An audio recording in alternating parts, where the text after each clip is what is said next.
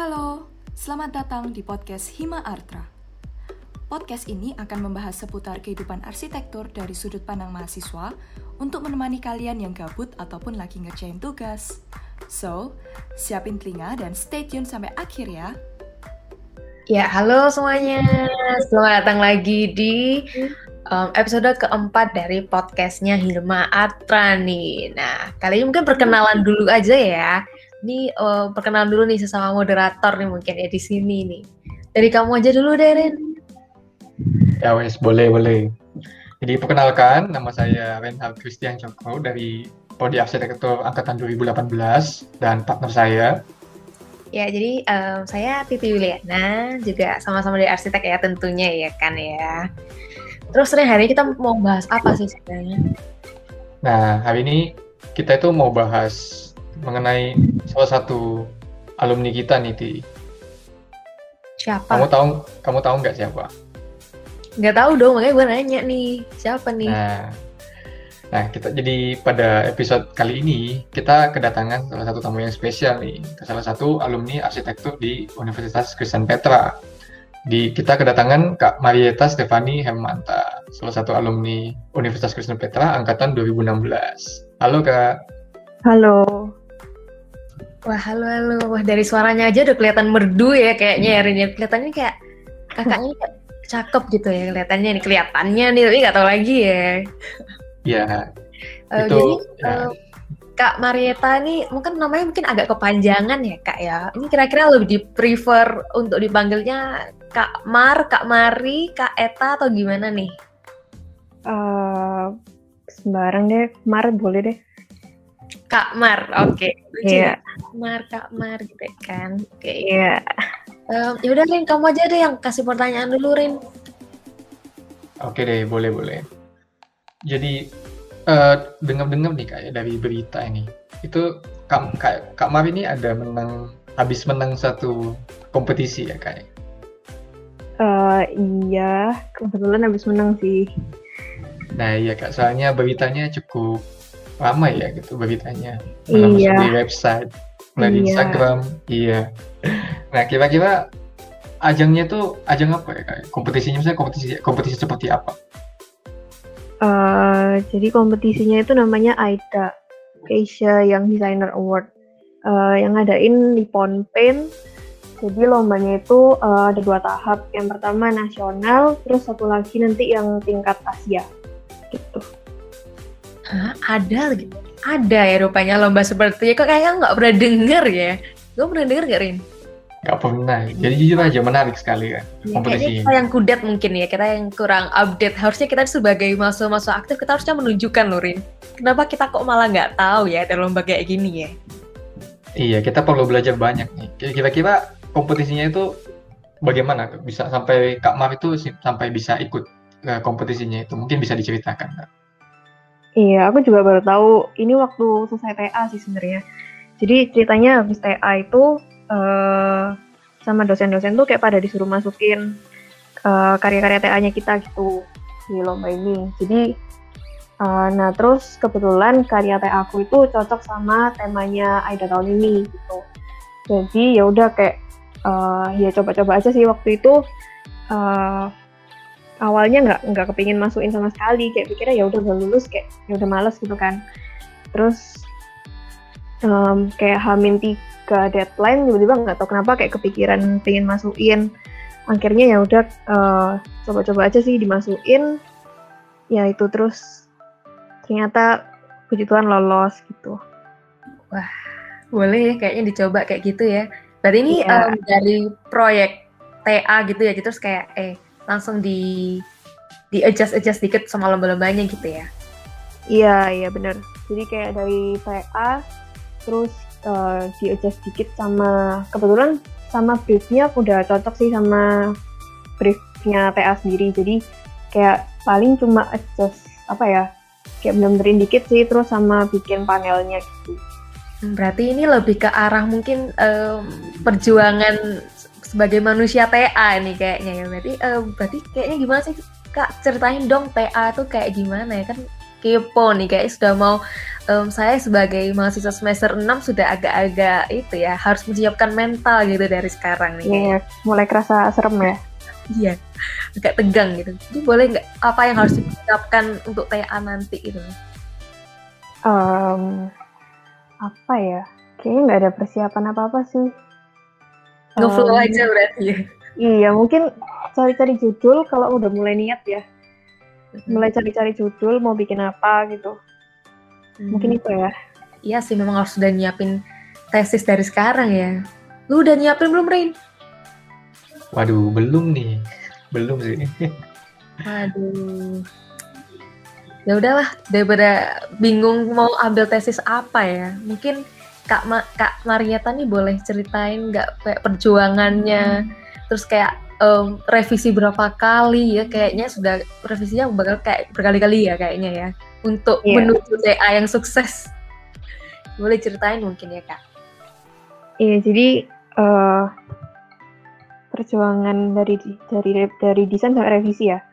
Em, eh, perjuangannya mulai dari semester berapa ya berarti itu semester tujuh akhir ya mulai bikin pra proposal itu sempat ada perubahan judul sih. Hmm, sempat ada perubahan judul yang lumayan major juga terus em, terus lumayan banyak drama juga. Jadi ceritanya di kelompok kayak aku ini kayak eh, lumayan unik-unik gitu ceritanya katanya judulnya.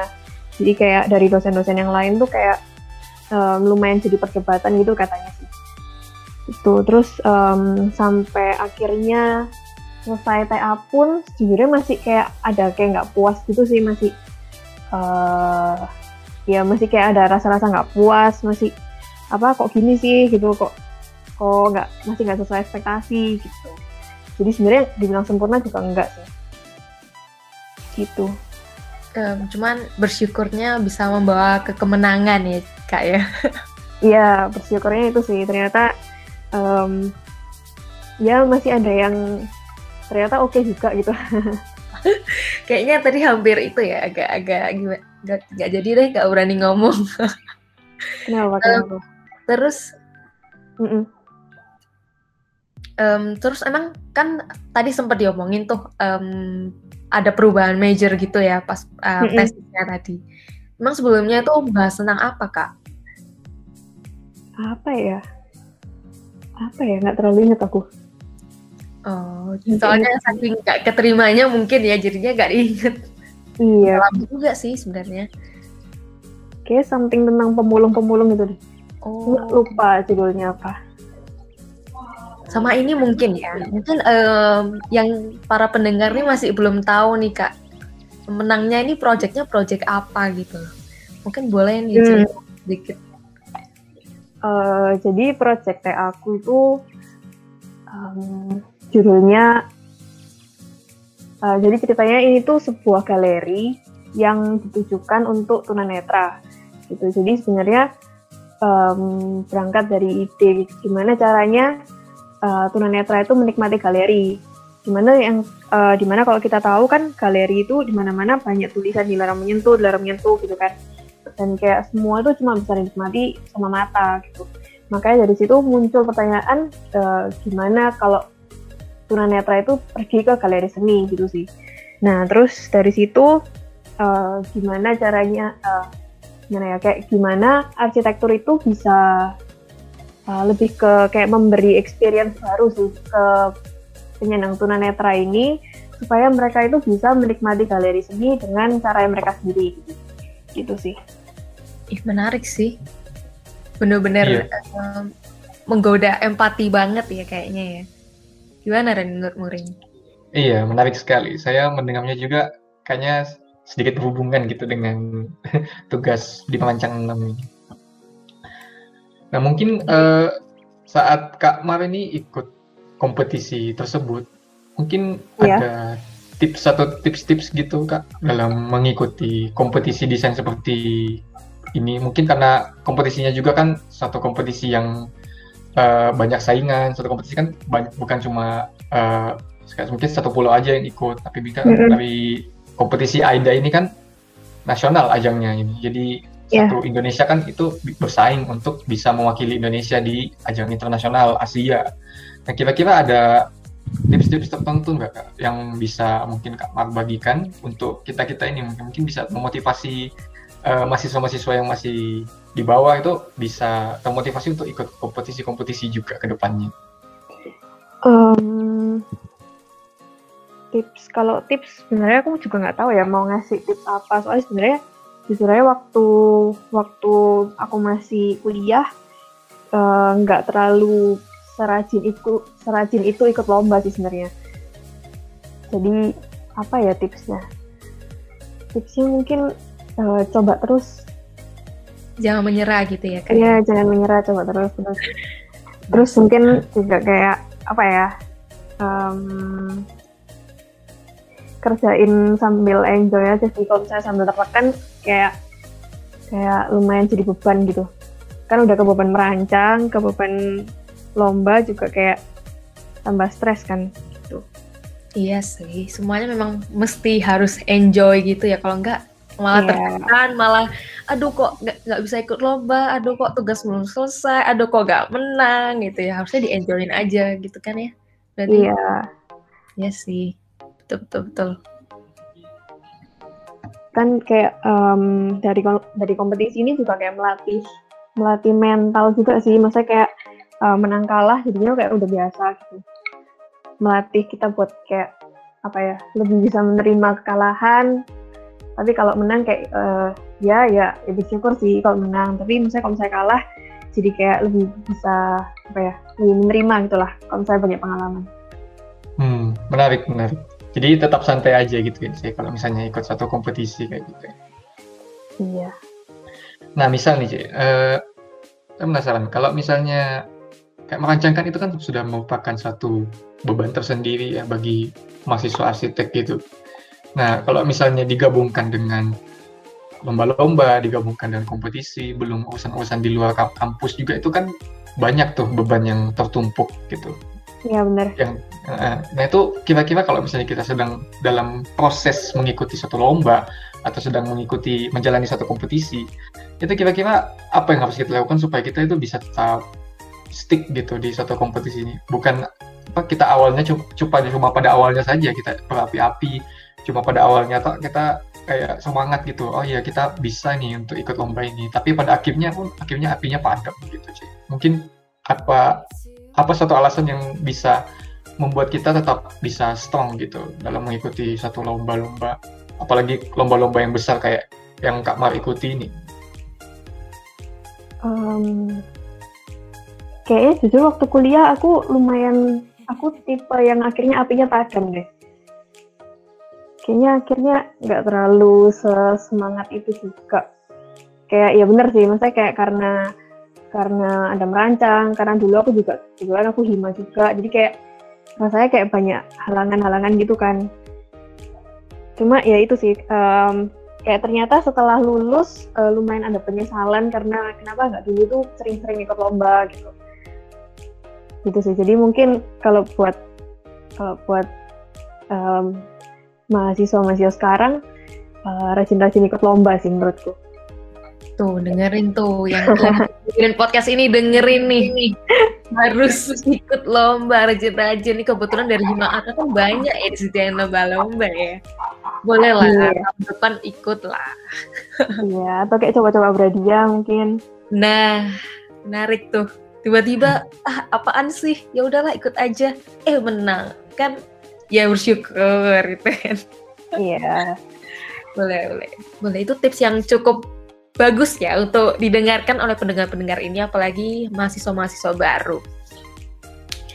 Terus em, kalau misalnya boleh tahu ya Kak, sekarang tuh kesibukannya apa sih Kak setelah lulus dari em, dunia perkuliahan ini? Em, sekarang sih lagi kerja ya Kerjanya tetap em, di arsitek atau sudah melenceng? Em, masih di arsitek untungnya Tentunya masih arsitek untungnya. iya sejauh ini masih arsitek Ya, semoga bisa ber- berkelanjutan ya arsiteknya ya. Jadi nggak eman, amin kuliahnya nggak eman. iya benar-benar Terus kira-kira di em, kerja di biro sekarang ini di apa ya di arsitek sekarang ini skill-skill apa sih yang bisa kita kumpulin dulu buat mahasiswa-mahasiswa itu dikumpulin biar nanti di kerjanya sebagai arsitek tuh bisa digunakan gitu skillnya kak? Apa ya? Um, sebenarnya dari merancang merancang tuh juga udah nambah skill juga sih sebenarnya. Cuma um, mungkin karena topik hari ini juga tentang lomba, jadi kayak kayaknya lomba juga sebenarnya membantu sih tapi um, kembali lagi sih kayak kata orang-orang apa dunia kerja selalu kayak um, ternyata di dunia kerja itu beda banget sama uh, perkuliahan. Itu bener sih kayak uh, banyak yang masih perlu kita pelajari di dunia kerja ini. Jadi kayak waktu kita kuliah itu uh, lumayan gak ada apa-apanya gitu. Hmm berarti berarti merancang ini uh, setidaknya tidak tidak sia-sia ya kayaknya teman-teman ya. Iya nggak sia-sia itulah boleh lah sebetulnya tuh harus di harus ada lah yang bisa dipetik pasti ya kan? Nah balik lagi nih mungkin aku mau tarik lagi nih ke zaman zaman kuliah ya kak ya. Iya. Um, kira-kira ada nggak suka duka yang bisa diceritakan nih sama kakak um, selama berkuliah di kehidupan arsitek yang terkenal dengan tidak tidur ini ya? Um, pengalaman apa ini menyenangkan pengalaman yang menyenangkan atau Uh, boleh dari yang menyenangkan dulu aja mungkin ya. Mulai yang menyenangkan apa ya? Um, kalau udah lulus ini rasanya kayak semua jadi kayak lumayan menyenangkan sih. Soalnya kayak jadinya kayak jadi kangen gitu jadi sama uh, sama zaman-zaman kuliah. Kayak kumpul-kumpul sama teman di studio, terus turun makan di kantin, terus uh, apa ya? Um, sembunyi-sembunyi makan di kelas gitu-gitu. Waduh. ya itu kayaknya memang paling uh, memacu adrenalin ya makan di kelas ini sih memang. Iya, studio sih terutama. Iya sih. Makan di studio itu memang paling enak sih kayaknya udah dingin. Iya. Makan bareng sama teman, nongki-nongki gratis lagi. Eh, enggak juga iya. sih. Ya gratis. Eh, bayar kuliah ya. Aduh, tapi sekarang udah corona. Aduh, emang banget. Ya, Parin. Iya. Mana menurut Murin? Memang kebiasaanmu ti makan di studio. Waduh. banget. Kayak kayak kamu pernah merhatiin aku aja, Rin. Terus kalau misalnya nah. pengalaman menyedihkannya nih, apa nih, Kak? Pengalaman menyedihkan. Apa ya? Um, dapat tutor killer. Wah, kalau itu kayaknya memang iya terus kan kayak sempat ditakut-takutin nggak naik merancang gitu gitu waduh tutornya memang suka ini ya memacu mental sekali. Di sini mungkin ya berarti di sini nih yang benar-benar membentuk mental nih ya di sini nih. Iya lumayan. Tantangannya ya menarik menarik. Terus kok misalnya pas selama kuliah ini um, aktif organisasi nggak kak Hmm, kebetulan aku hima, tapi cuma setahun, ya satu periode doang sih. Nah, bolehlah diceritakan nih pengalaman ketika ikut hima. Terus berhubungan nggak sama kehidupan sekarang? Kira-kira bermanfaat nggak gitu? Um, kalau di hima dulu, kebetulan kan aku pegang acara arsitektur. Jadi apa studi ekskursi yang nasional gitu um, buat di dunia kerja apa ya? Um, mungkin jadi nambah pengetahuan sih karena kebetulan kan waktu itu kan pegangnya eks, uh, ekskursi ya jadi kayak uh, jadi banyak tahu arsitek-arsitek luar Surabaya gitu sih. Gitu mungkin ya. Wah menarik sekali. Berarti selain uh, aktif di perkuliahan aktif di organisasi juga ya kak? Uh, kira-kira saat yeah. pas menjadi anggota hima dulu itu kira-kira uh, Kak Mar dapat belajar apa aja dari uh, berproses di Hima Artra gitu kan. Sampai uh, terbawa ke dunia kerja kah atau uh, bagaimana aplikasinya di dunia kerja gitu. Kan bisa menjadi bekal bagi kita mahasiswa juga. Hmm, mungkin di Hima itu ya kayak um, uh, belajar bagi waktu kayak belajar buat manage waktu. Jadi waktu kuliah kan uh, Hima lumayan makan waktu juga kan ya jadi kayak ya belajar bagi waktu terus mungkin soft skill juga ya um, gimana cara ngomong di depan orang sama sama pihak-pihak eksternal yang di luar Petra gitu. Itu sih mungkin. Iya sih, memang Hima ini menarik untuk diikuti. Nah, bolehlah mungkin tiba-tiba ada mahasiswa-mahasiswa baru boleh nih daftar Hima ya. Ini Iya. kok pinter banget ya promosinya ya dari tadi. lomba, sekarang Hima. Tapi nggak apa-apa lah ya, sekali menyel, apa sambil menyelam minum air boleh lah. Nah ini ya kak, Ani- aku nih kepo nih. Mm-mm. alumni nih kan ya kan mungkin pernah pasti ada dong kayak teman-teman yang juga lulusan arsitek gitu kan pasti pernah dong juga kayak ngomong-ngomong tentang membandingkan perkuliahan membandingkan universitas ini mungkin dosen-dosen yang mendengar saya minta maaf ya ini bukan bermaksud untuk jelek-jelekan nama Petra ya kayaknya cuman em, kira-kira Kak Marieta ini bangga nggak atau beruntung merasa beruntung nggak kalau misalnya sudah menjadi alumni dari UKP Um, ya beruntung sih, maksudnya kayak uh, UKP kan juga dikenal juga dikenal apa, maksudnya sebagai salah satu universitas yang ternama juga lah ya di Indonesia. Jadi kalau misalnya kayak uh, di dunia kerja kayak lulusan UKP, ya bagus lah buat di di apa ya sebagai bekal gitu. Berarti ya oke. Jadi sekarang sudah tahu nih. Berarti gini guys, kalau misalnya masuk UKP itu jangan mengeluh dan selalu komen-komen UKP itu bagus gitu. Ini sudah ada nih narasumber testimoni asli langsung dari UKP. Jadi UKP itu gak seburuk itu teman-teman ya. UKP itu baik kok, bagus gitu. Jadi Iya bagus kok. Banyak kok yang bisa didapat ya kan. Iya betul. Kamu kalau menurutmu Ren, kamu sejauh ini bangga atau agak menyesal ya masuk UKP? Saya sih merasa sangat senang ya saat masuk UKP gitu. Salah satu universitas yang terbesar juga di Indonesia. Jarang-jarang juga bisa ya eh, apa bisa dapat kesempatan untuk berkuliah di universitas yang bagus seperti ini. Kebetulan saya juga kan orang anak luar kota ya, kan, di luar Surabaya. Ya, jadi bisa dapat pengalaman baru gitu. Oh Jadi menarik sebenarnya. iya iya benar-benar. Tapi aku penasaran nih kak. Nah, Kak Mar kan sekarang kan udah kerja kan ya, udah berkecimpung di dunia kerja arsitektur. Nah, menurut Kak Mar sendiri, eh, setelah melewati eh, banyak proses perkuliahan, melewat melewati proses perkuliahan yang panjang, ada mungkin juga proses di organisasi, maupun proses di lomba-lomba juga yang sudah disediakan sama OK Petra ya kak. Nah, menurut Kak Mar itu skill-skill yang sudah didapatkan di dunia perkuliahan itu apakah sudah cukup ya Kak? Misalnya untuk seorang fresh graduate untuk bisa menyentuh dunia per- dunia kerja di depannya nanti. Em, em, kayak biasanya orang-orang kan ngomong kalau misalnya em, dunia kerja beda banget sama kuliah itu menurutku bener sih kayak yang kita dapetin di kuliah eh, ya bukan nggak berguna berguna tapi em, memang masih kurang kalau misalnya dibuat di dunia pekerjaan tapi kayak ya pelan-pelan sambil kerja juga bisa sambil belajar sih tapi kayak eh, dasar-dasar yang kita dapetin waktu kuliah ya tetap kepake lah tetap kepake juga di dunia kerja Hmm, iya iya, menarik menarik. Mungkin pas masih masih saat masa perkuliahan itu mungkin Kak Mar pernah magang mungkin atau mungkin kuliah sambil bekerja mungkin. Mungkin bisa diceritakan kalau misalnya pernah. Hmm, kebetulan aku cuma magang sekali sih waktu semester semester apa ya? Semester lima kayaknya ya. Gitu.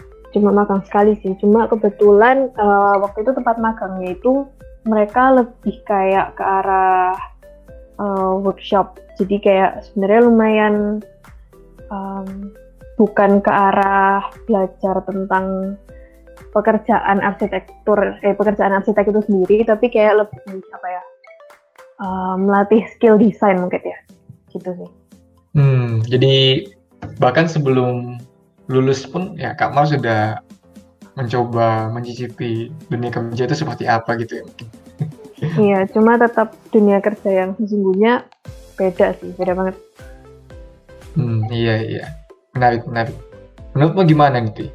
Apa? Kamu kan sudah sempat ada magang gitu selama masa perkuliahan ini. Kamu kok sok tahu sih, Rin? Aku magang apa, Rin? kamu kok aja?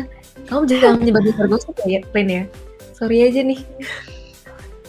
ya tapi ya kalau misalnya sudah magang amin lah amin aku aminkan aja dulu amin amin magang gitu kan Ya, Min. amin berarti eh, tadi ngomongnya agak berbeda ya sama dunia kerja yang aslinya nih jadi takut Iya. ya pas dengernya emang pas dunia kerja itu kayak gimana kak ceritanya tuh gimana gitu ngapain aja Em, eh, bukan serem sih ya, tapi kayak belajar banyak hal baru. Jadi kayak em, lumayan lalu lulus kayak lumayan kaget dulu sih. Bukan ya bukan serem sih, kayak lebih kayak kaget. Ternyata eh, yang dihadapi di luar eh, yang dihadapi di dunia kerja itu beda sama yang kita hadapin di kuliah. Gitu sih. Jadi kayak eh, ya nggak semenyeramkan itulah. Tapi belajar banyak. Yang penting belajar banyak banget. berarti nggak ada kayak senioritas gitu kan harusnya ya nggak nggak ditindas dicambuk dikerja rodikan nggak kan ya kak Oh enggak, enggak. Eh, enggak ngomong tentang kok. Ngomong tentang kerja rodi ya seberapa em, kira-kira sama nggak kerja rodinya? Em, saat kerja sa- atau sama kuliah itu kira-kira sama atau berbeda ya? Em, kayak tergantung tergantung tempat kerjanya juga sih. kalau Iya, misalnya kita kerja kakak sekarang? Em, kebetulan tempat kerjaku sekarang sistemnya eh, timnya masih tim kecil sih, jadi eh, kayak langsung pegang suatu proyek gitu. Jadi ya lumayan challenging tapi ya seru sih, masih masih seru sejauh ini.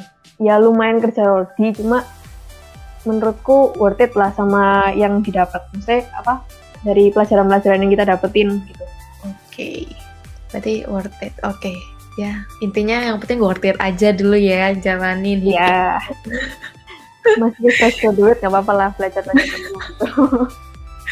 Tapi syukur-syukur ya kak, maksudnya fresh graduate tuh kan kalau misalnya corona sekarang kan agak susah nih. Iya Banyak benar. kabar kayak fresh graduate belum kerja, tapi untung udah dapat kerja, udah dapat job gitu lah ya kak. Iya lumayan lah.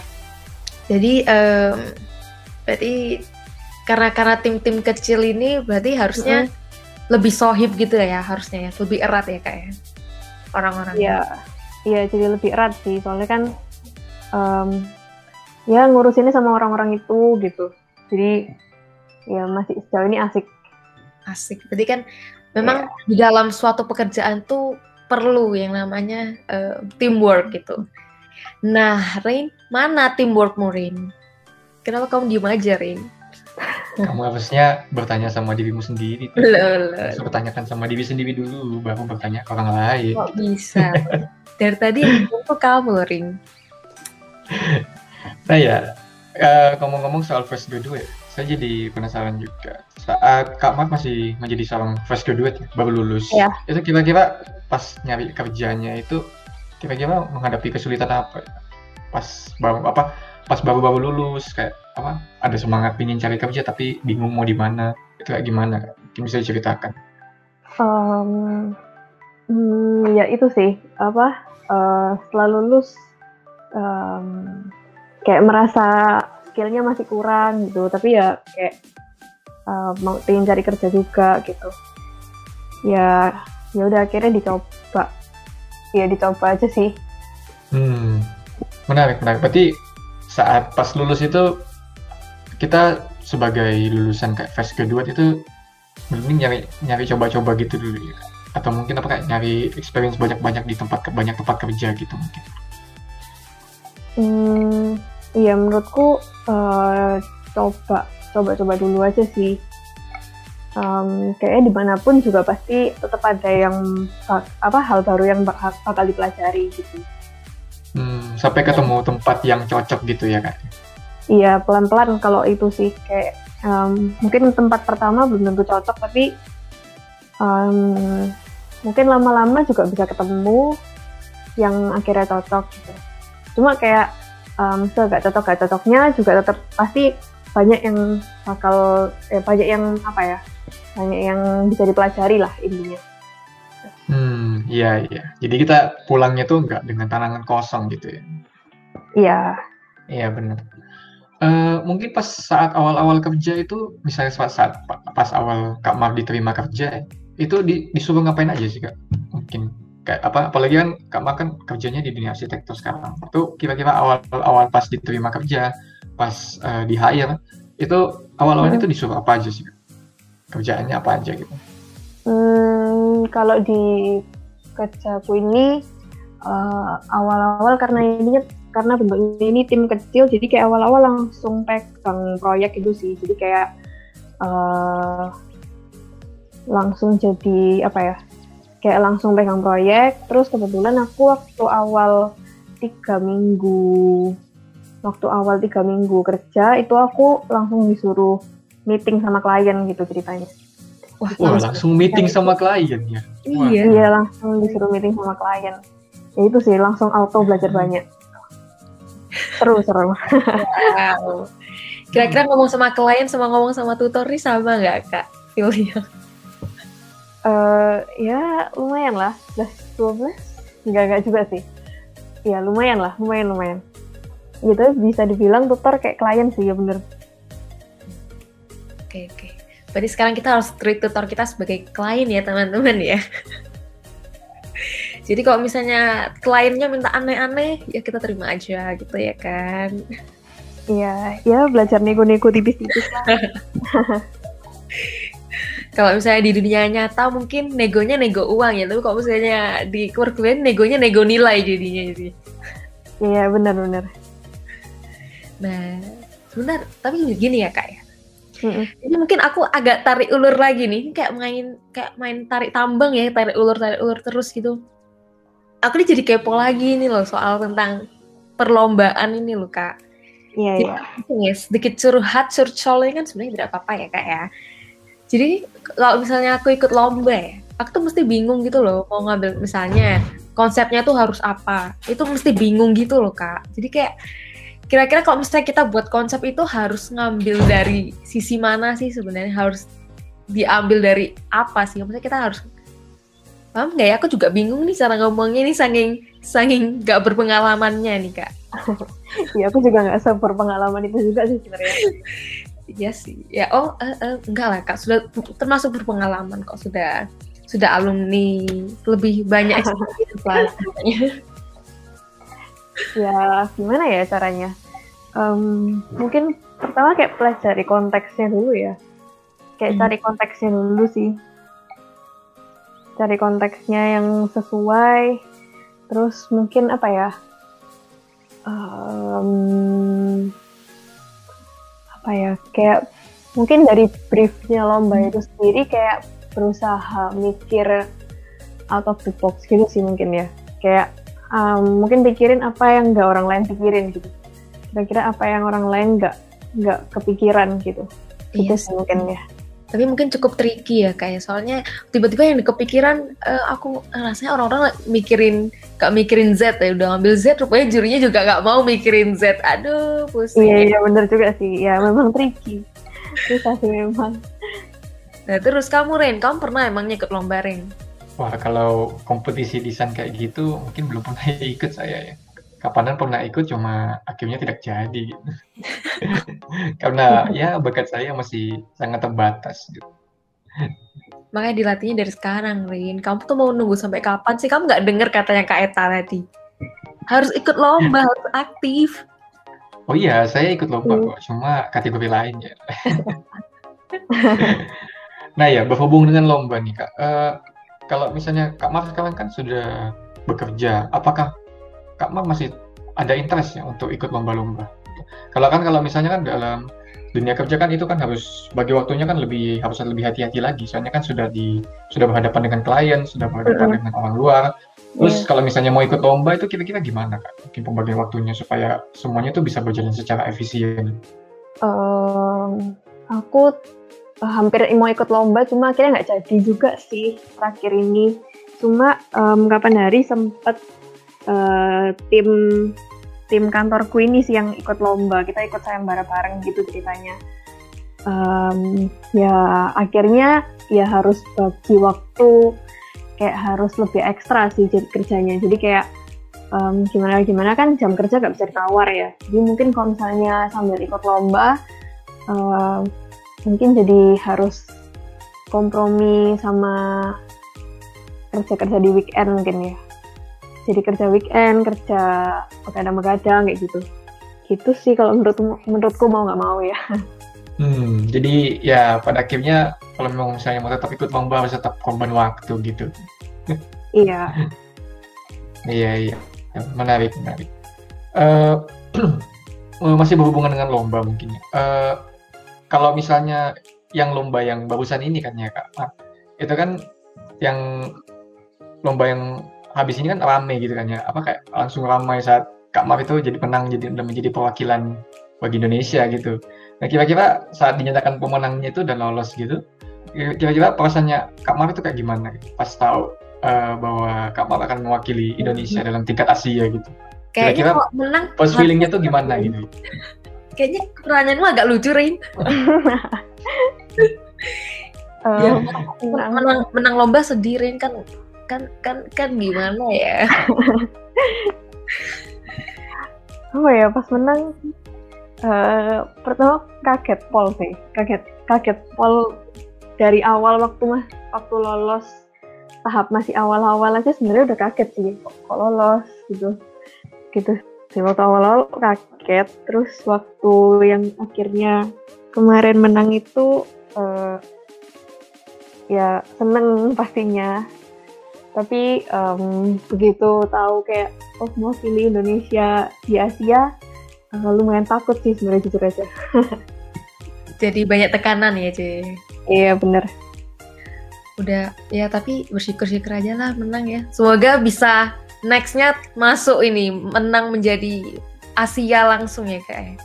iya amin amin Amin, amin dulu. ya, oke. Jadi eh gas gak gak sab gak aku jadi nervous nih Rin kamu kamu nggak nervous Rin aku nervous nih habis ngomongin tentang pekerjaan dan lomba-lomba aku jadi takut Iya, apalagi saya yang ikut lombanya sedikit banget gitu ya. oh iya, saya berhubungan dengan lomba lagi, saya. Eh, Mm-mm.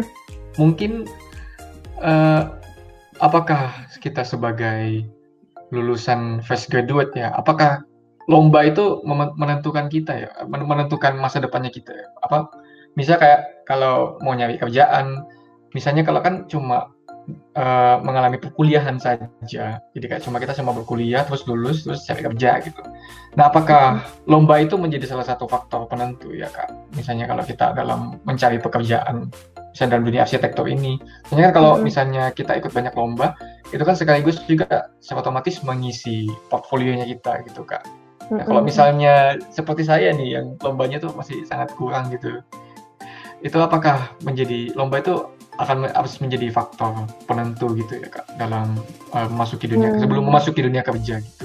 Hmm, menurutku enggak Em, aku nggak tahu ya kalau menjadi faktor yang benar-benar penentu apa enggak cuma em, sebenarnya dari lomba itu kan em, kita belajar hal-hal baru gitu ya dari lomba-lomba itu nah menurutku mungkin dari lomba-lomba itu apa ya kayak em, bisa jadi salah satu eh, apa ya kayak bekal yang bisa kita bawa yang bisa kita tawarin buat kita apply kerja itu tadi sih.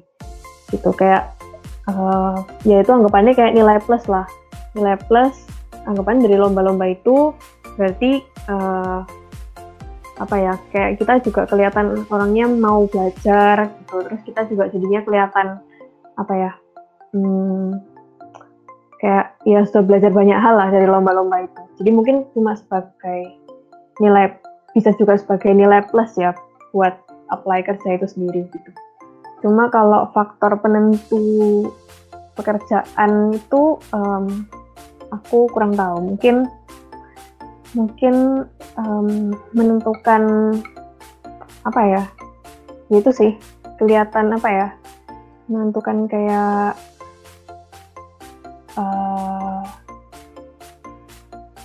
seberapa apa ya bukan skill juga sih kayak menentukan apa ya aduh aku juga nggak tahu ngomongnya gimana Ya intinya mungkin uh, sebagai anu ya, apa mungkin sebagai bekal tambahan gitu ya kak. iya Selain iya dari apa uh, ilmu yang sudah didapat di perkuliahan, mungkin ada ilmu sampingan yang bisa dapat dari lomba-lomba gitu. Mm-mm, bener bener bener Hmm. Menurut Ya, kamu lebih- gimana nih? Kamu kan ikut lebih banyak lomba dari saya. Kira-kira kayak gimana? Em, kayaknya walaupun banyak lomba yang diikuti, kayaknya mental saya masih belum kuat ya sejauh ini. ya, ya udah sudah mulai em, nervous nih saya ya. Ini kayak nggak sa kita nih nggak sadar sudah ngomong sudah 30 menit lebih loh. Aku nih dari aw- dari awal ya sampai sekarang tuh sudah jadi kayak agak nervous gitu loh ngomongin kuliah, kerja kayaknya kayak nggak siap gitu loh ini mentalnya itu loh belum belum jadi, belum jadi eh, manusia yang seutuhnya. nggak apa-apa nggak apa dulu rasanya aku juga kayak gitu deh semester 6 kan? Iya kan semester 6 kan ya? Oh iya, Iya, semester 6. iya iya. Kayaknya dulu aku juga nggak nggak sesiap itu juga deh maksudnya kayak ya sambil jalan aja memang eh, konsep hidup YOLO itu memang nggak bakal mengecewakan ya kayaknya ya. ya boleh lah Oke, jadi em, dari perbincangan kali ini ya yang bisa saya tangkap ya, selain perbincangan menarik tentang perlombaan dunia kerja dan teman-teman ya, sekalian eh, sambil promosi ya mungkin ya. Buat teman-teman nih yang lagi dengerin nih, kan tadi sudah denger kan dan sudah diomongin berkali-kali kalau misalnya ikut lomba itu juga penting loh guys. Selain membentuk mental ya, selain membentuk mental dan bisa menjadi portfolio, ikut lomba ini juga membuat sebenarnya kayak ngebus percayaan diri nggak sih kak? iya iya benar-benar Iya kan? iya benar banget Kayak kamu kalau misalnya ikut lomba itu harusnya nggak ada yang bisa kamu sesali kecuali kamu keluar duit untuk daftar ya kan? Iya kan? Iya kan kak? iya benar-benar benar banyak kok yang bisa dipelajarin kayak kayak apa eh, materinya kan pasti di luar materi merancang kita juga kan Mm-mm, Betul. Mm-mm. Oke lah, kayaknya perbincangan kali ini sudah bisa ditutup ya. Sudah agak lama nih ngomongnya ini sudah nervous. Dan aku yakin Reinhard yang di sana tangannya sudah basah, berkeringat karena sakitnya gitu kan. Maksud maksudnya kamu ya, Ti, mungkin ya. Aduh, aduh, sorry Ya nih. nggak apa-apa, wajar saja. Kamu lagi mata-matain aku ya. Kamu kamu kok menakutkan sih Rein? ya udahlah, jadi intinya ya guys ya. Ikut lomba, udah itu aja. Ikut lomba sebelum menyesal. Karena lomba untuk orang yang sudah kuli, sudah lulus sama yang masih kuliah tuh beda gitu. Jadi intinya ikut lomba aja gitu ya kan. Terus kayak YOLO aja, ngeflow aja, tapi jangan terlalu terlalu santuy ya. Kayaknya memang tetap kita ini tetap harus usaha, usaha gitu loh. iya sambil ikut hima nggak apa-apa kan Wah, sambil ikut hima juga aku suka sama biasa. Aku suka sekali. kan jangan lupa ikut hima Jangan lupa ikut hima. Ayo daftar sekarang. ya, dari podcast kali ini juga bisa ya di follow Spotify-nya, di follow juga Instagram-nya. Ya kan? Jadi dari ya pokoknya gitu ya. Saya sudah nervous nih. Sudah nervous sekali. Aduh sudah ntar lagi semester depan buat tesis. Saya sudah terbeban. Aduh. Nah, thank you ya kak ya sudah berkes apa mau ber- apa eh, kan nervous banget loh ini. Nervous banget sungguhan. Iya aku juga nervous sih. Ini ini aku mau tuntut deh sama yang punya Spotify ini ya. Kenapa ini ngasih topiknya berat banget gitu loh gak bisa yang lebih santuy ya? Iya benar-benar. Setuju Gak bisa ngomongin tentang menggibah atau gimana gitu. Kesukaannya Reinhard kan menggibah dan drama gitu kan. Nah itu aku udah lama Bukan nih nggak. Nah kan, boleh lah ya kan. Kalau misalnya kalian setuju ya guys, kalau misalnya next itu tentang pergibahan gitu kan, boleh lah kasih komen di post pertamanya, di post paling terakhir dari IG Hima Atra tuh di, boleh lah komen, aku mau gibah di podcast gitu ya kan, boleh lah dikasih komen seperti itu. Ih boleh banget ya, bridgingnya bagus banget loh ini Rain. Ya siapa tahu kan ya salah satu dari komentator komen kalian itu terpilih menjadi eh pembicara di podcast Hima ini. Kan bisa saja gitu. Udah kayak undian berhadiah ya kayaknya ya. iya.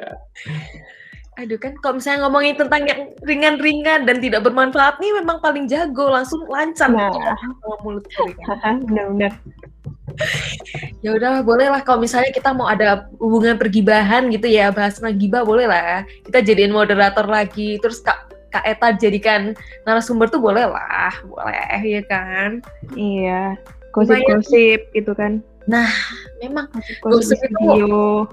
yes gosip tuh memang apa ya mewarnai hidup ya sepertinya ya.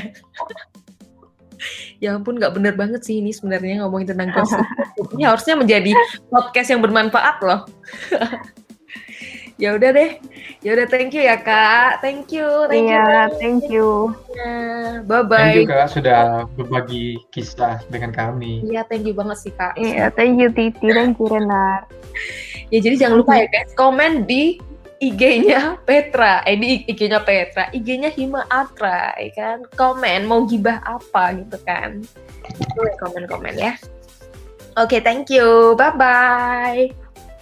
Terima kasih telah mendengarkan podcast Hima Artra.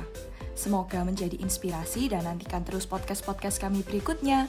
Cheers!